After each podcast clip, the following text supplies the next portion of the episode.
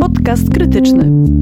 Postępowy głos w Twoim smartfonie. Empatia feministek, które udzielają incelom dobrych rad, jest równa empatii Bronisława Komorowskiego proponującego młodym zmianę pracy i wzięcie kredytu, albo Beaty Pawlikowskiej na depresję zalecającej bieganie i picie soku pomarańczowego. Tak napisała dziennikarka i aktywistka Patrycja Wieczorkiewicz w głośnym tekście opublikowanym przez krytykę polityczną. Kim są osoby określające się jako incele? To wywodzące się z języka angielskiego połączenie słów oznacza wymuszony celibat. Określa się nim mężczyzn, najczęściej młodych, którzy winą za swoje nieudane życie seksualne obciążają rozmaite czynniki zewnętrzne, systemy społeczne czy autonomię kobiet w doborze partnerów seksualnych. Incele nie są faktyczną organizacją ani grupą o ustalonej strukturze.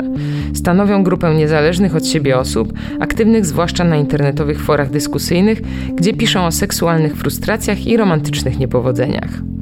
Jak podaje dziennik The Guardian, przemoc bezpośrednio związana z ideologią inceli była przyczyną co najmniej siedmiu masowych morderstw i zabiła co najmniej 50 osób tylko w USA i Kanadzie.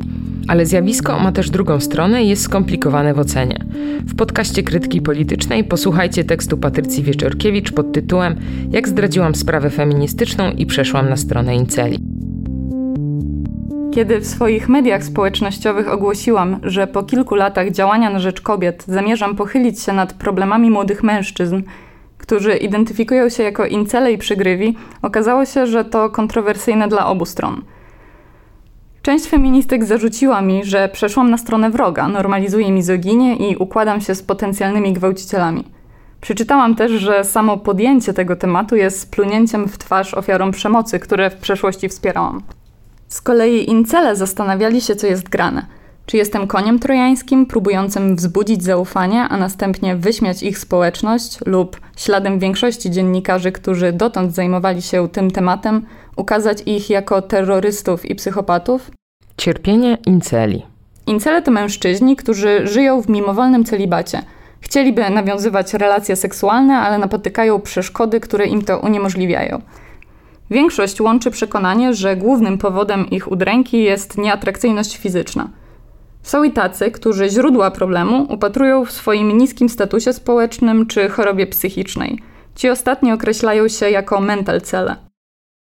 Media najczęściej przypominają sobie o nich, kiedy gdzieś w Stanach Zjednoczonych, gdzie środowisko inceli jest najbardziej zradykalizowane, a przy tym upolitycznione, powiązane z Trumpem i skrajną prawicą, dopuszczają się napaści seksualnych czy zabójstw, planują rozszerzone samobójstwa, publikują manifesty, w których nienawiść do kobiet przeplata się z szeregiem najbardziej obłąkanych teorii spiskowych.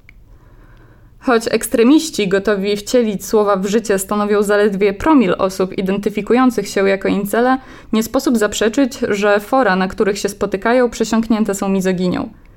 Nie lekceważę niebezpieczeństwa, jakie to stwarza, ani krzywd, które wyrządza. Wierzę jednak, że wszystkie negatywne zjawiska mają bardzo konkretne przyczyny, którym należy się przyglądać i poszukać narzędzi, które w przyszłości pomogą nam je zminimalizować – bo cierpią osoby, które incele, rzadko czynem, często słowem, ranią, ale cierpią też oni sami.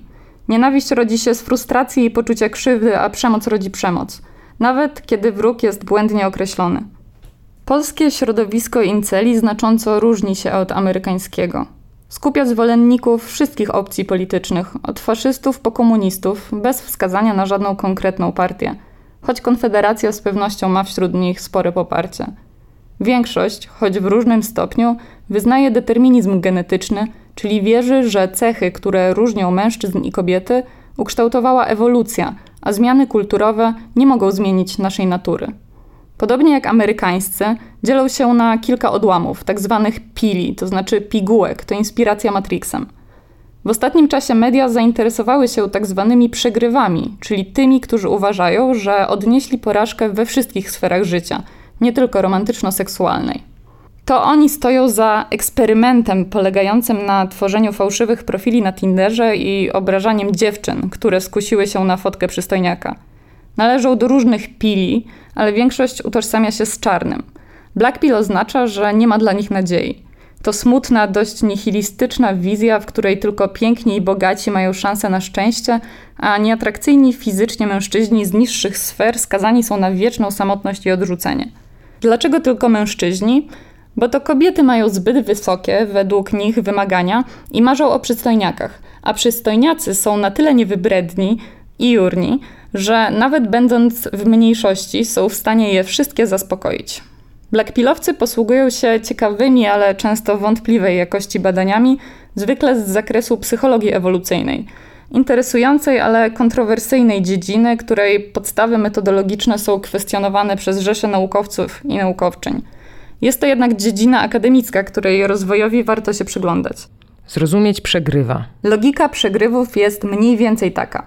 Kobiety są z natury hipergamiczne, a więc szukają partnera o statusie społecznym wyższym od własnego, zaś mężczyźni wykazują tendencję odwrotną.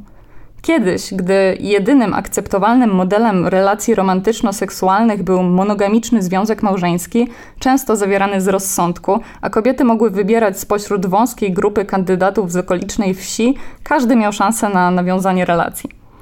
Równouprawnienie kobiet, rewolucja seksualna lat 70., osłabienie instytucji patriarchalnej rodziny i popularyzacja aplikacji randkowych sprawiły, że kobiety znacznie podniosły swoje oczekiwania względem potencjalnego partnera.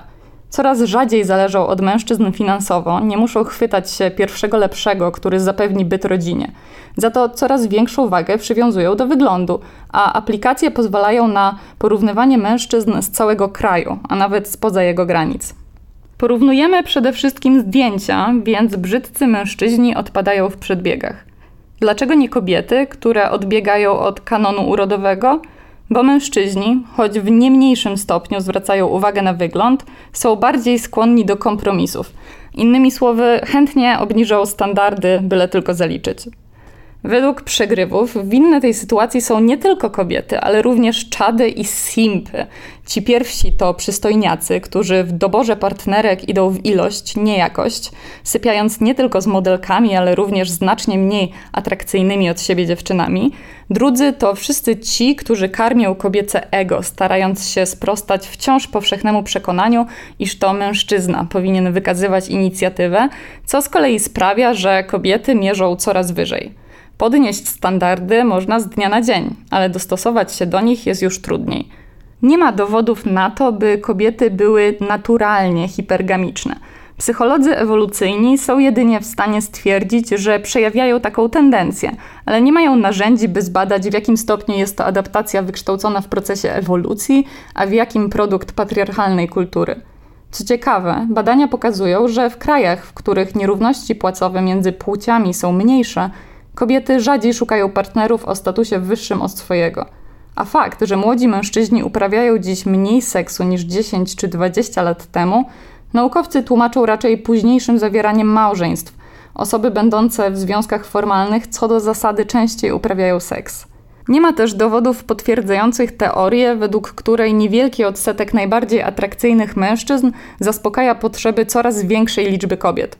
Z badań przeprowadzonych w USA wiadomo za to, że na 20% najbardziej aktywnych pod tym względem mężczyzn przypada 50-60% wszystkich kontaktów seksualnych, co nie zmienia się na przestrzeni lat.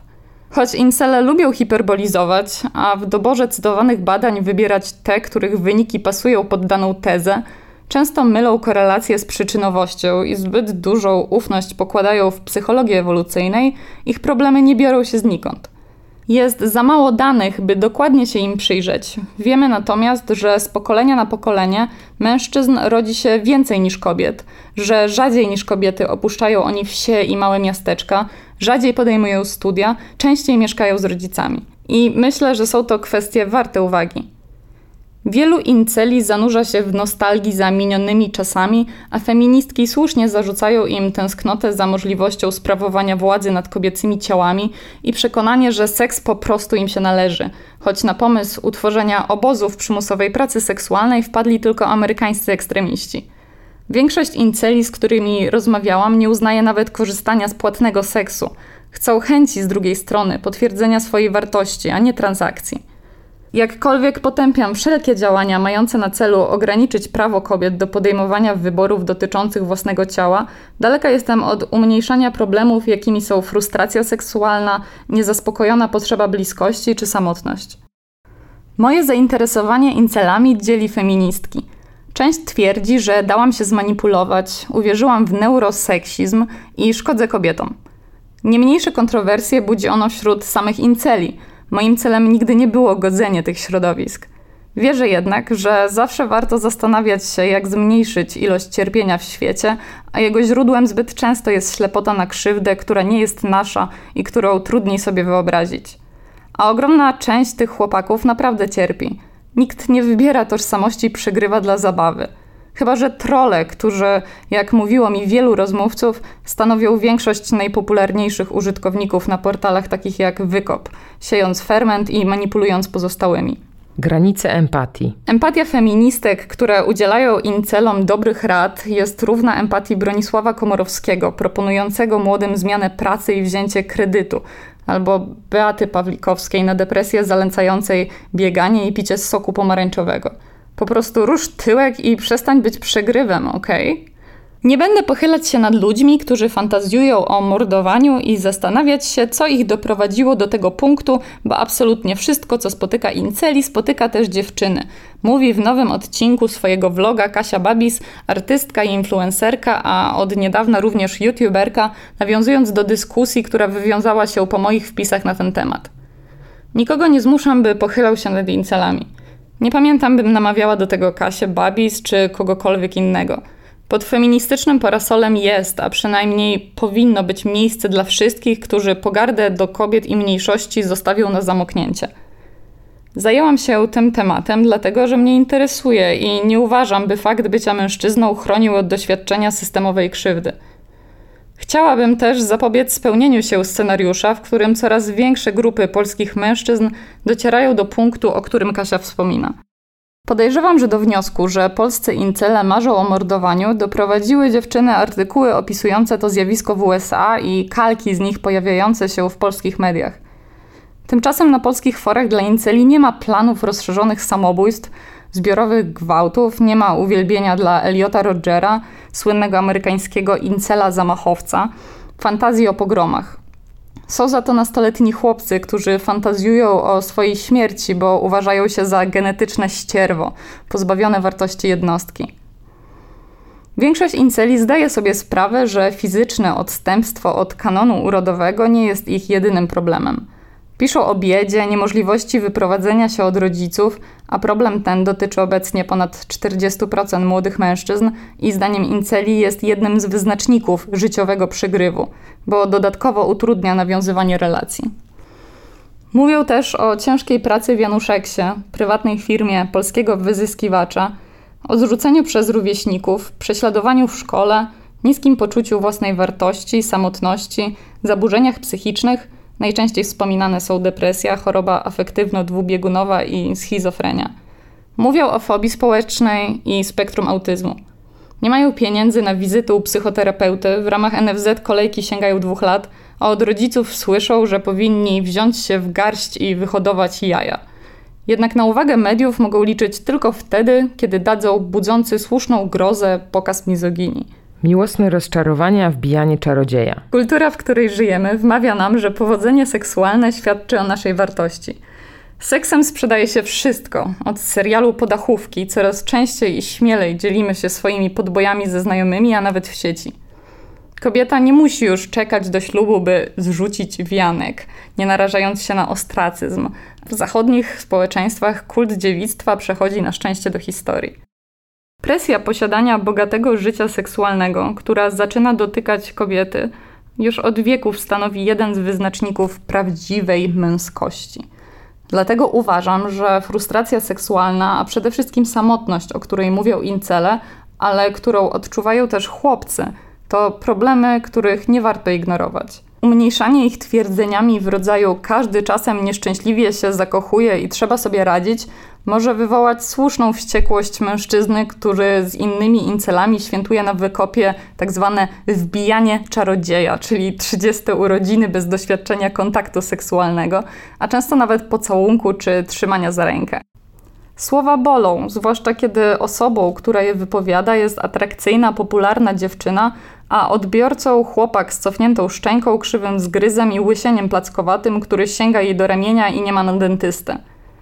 Babis i jej koleżanka Marta Nowak słusznie zauważają, że trudno sobie wyobrazić, by kobiety przekonane o swojej fizycznej nieatrakcyjności mściły się na przypadkowych mężczyznach, zakładając fałszywe profile w aplikacjach randkowych, obrażając ich czy wystawiając.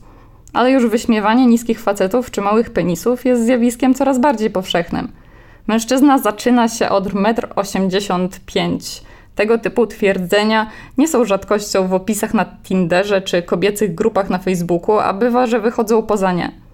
Brak życia seksualnego coraz częściej się wyszydza. Chyba wszyscy z lewicowej bańki słyszeli żarty oparte na przekonaniu, że kuce nie ruchają. Nieuprawianie seksu jest czymś szczególnie wstydliwym, zwłaszcza dla mężczyzn, bo uderza w mit samca zdobywcy.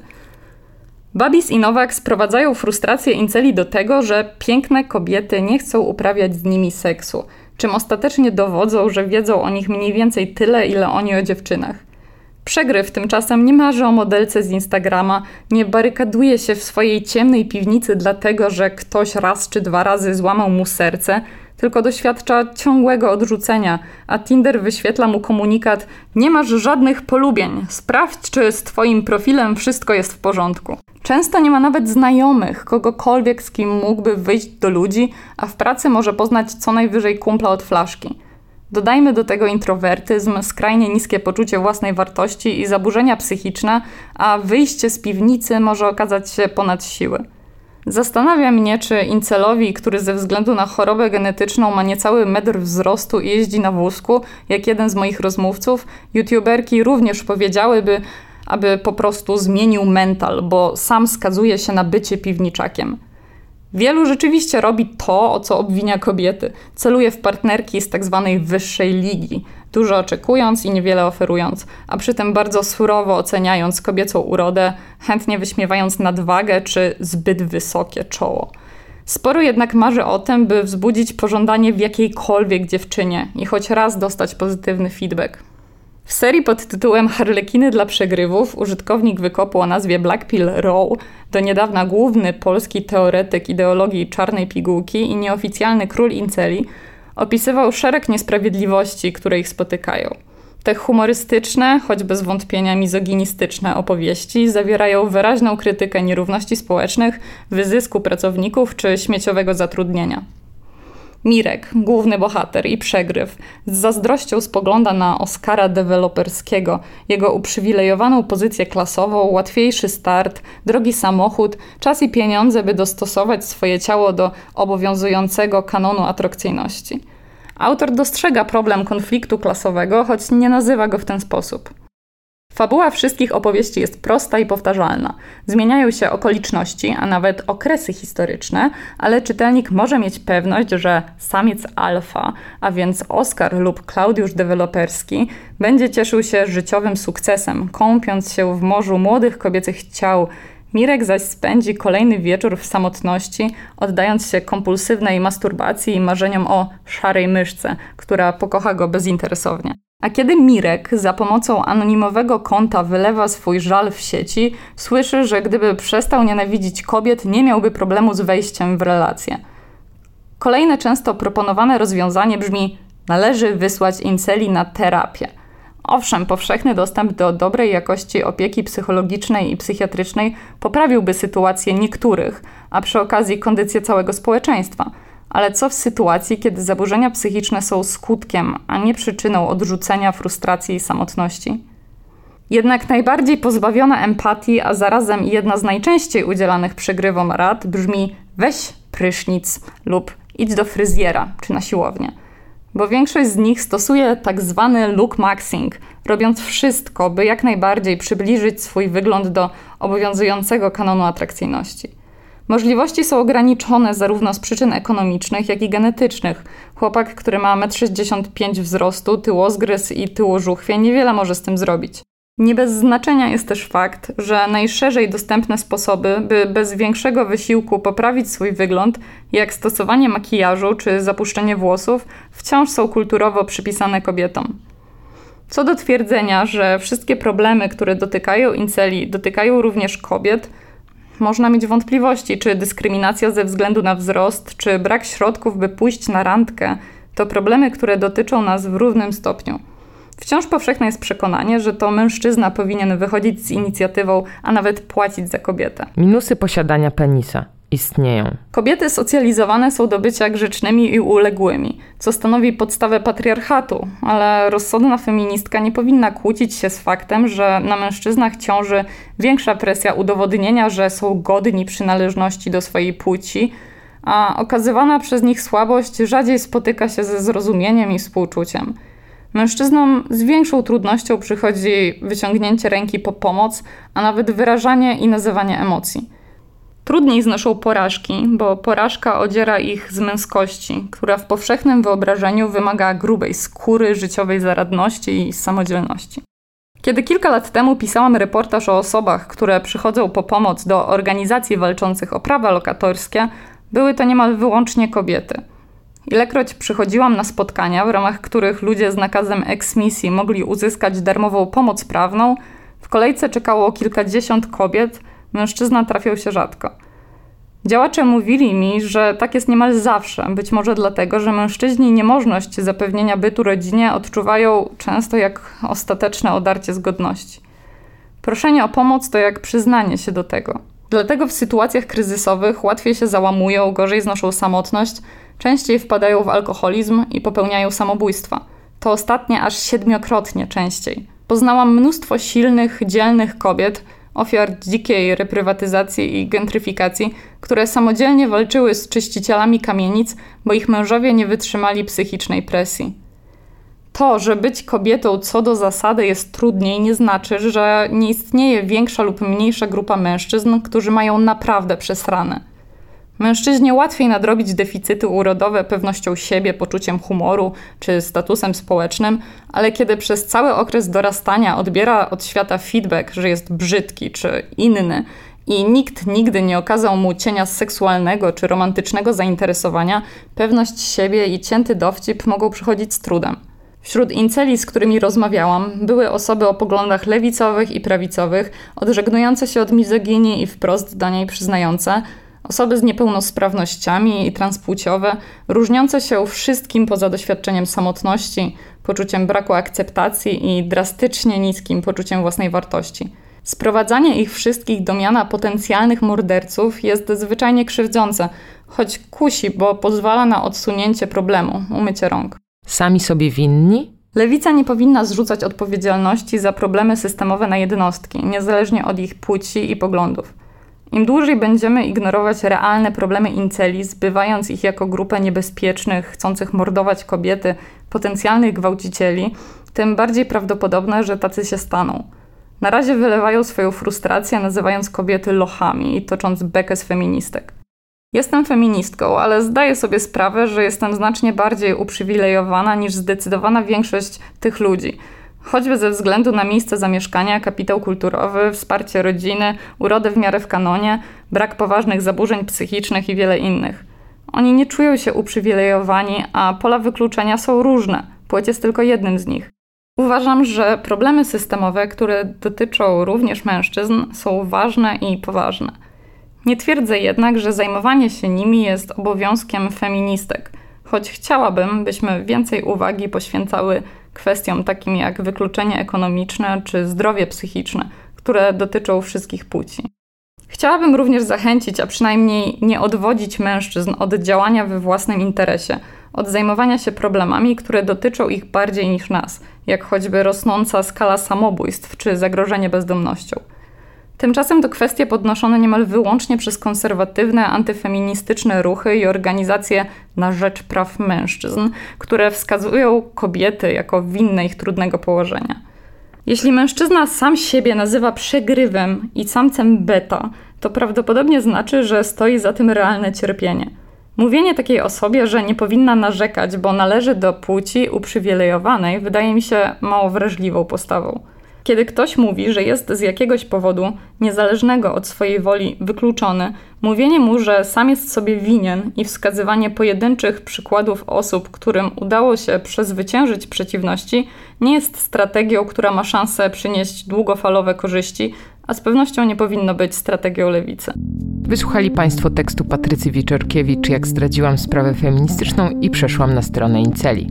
Ja nazywam się Dominika Wrublewska i jestem sekretarzynią redakcji Krytyki Politycznej.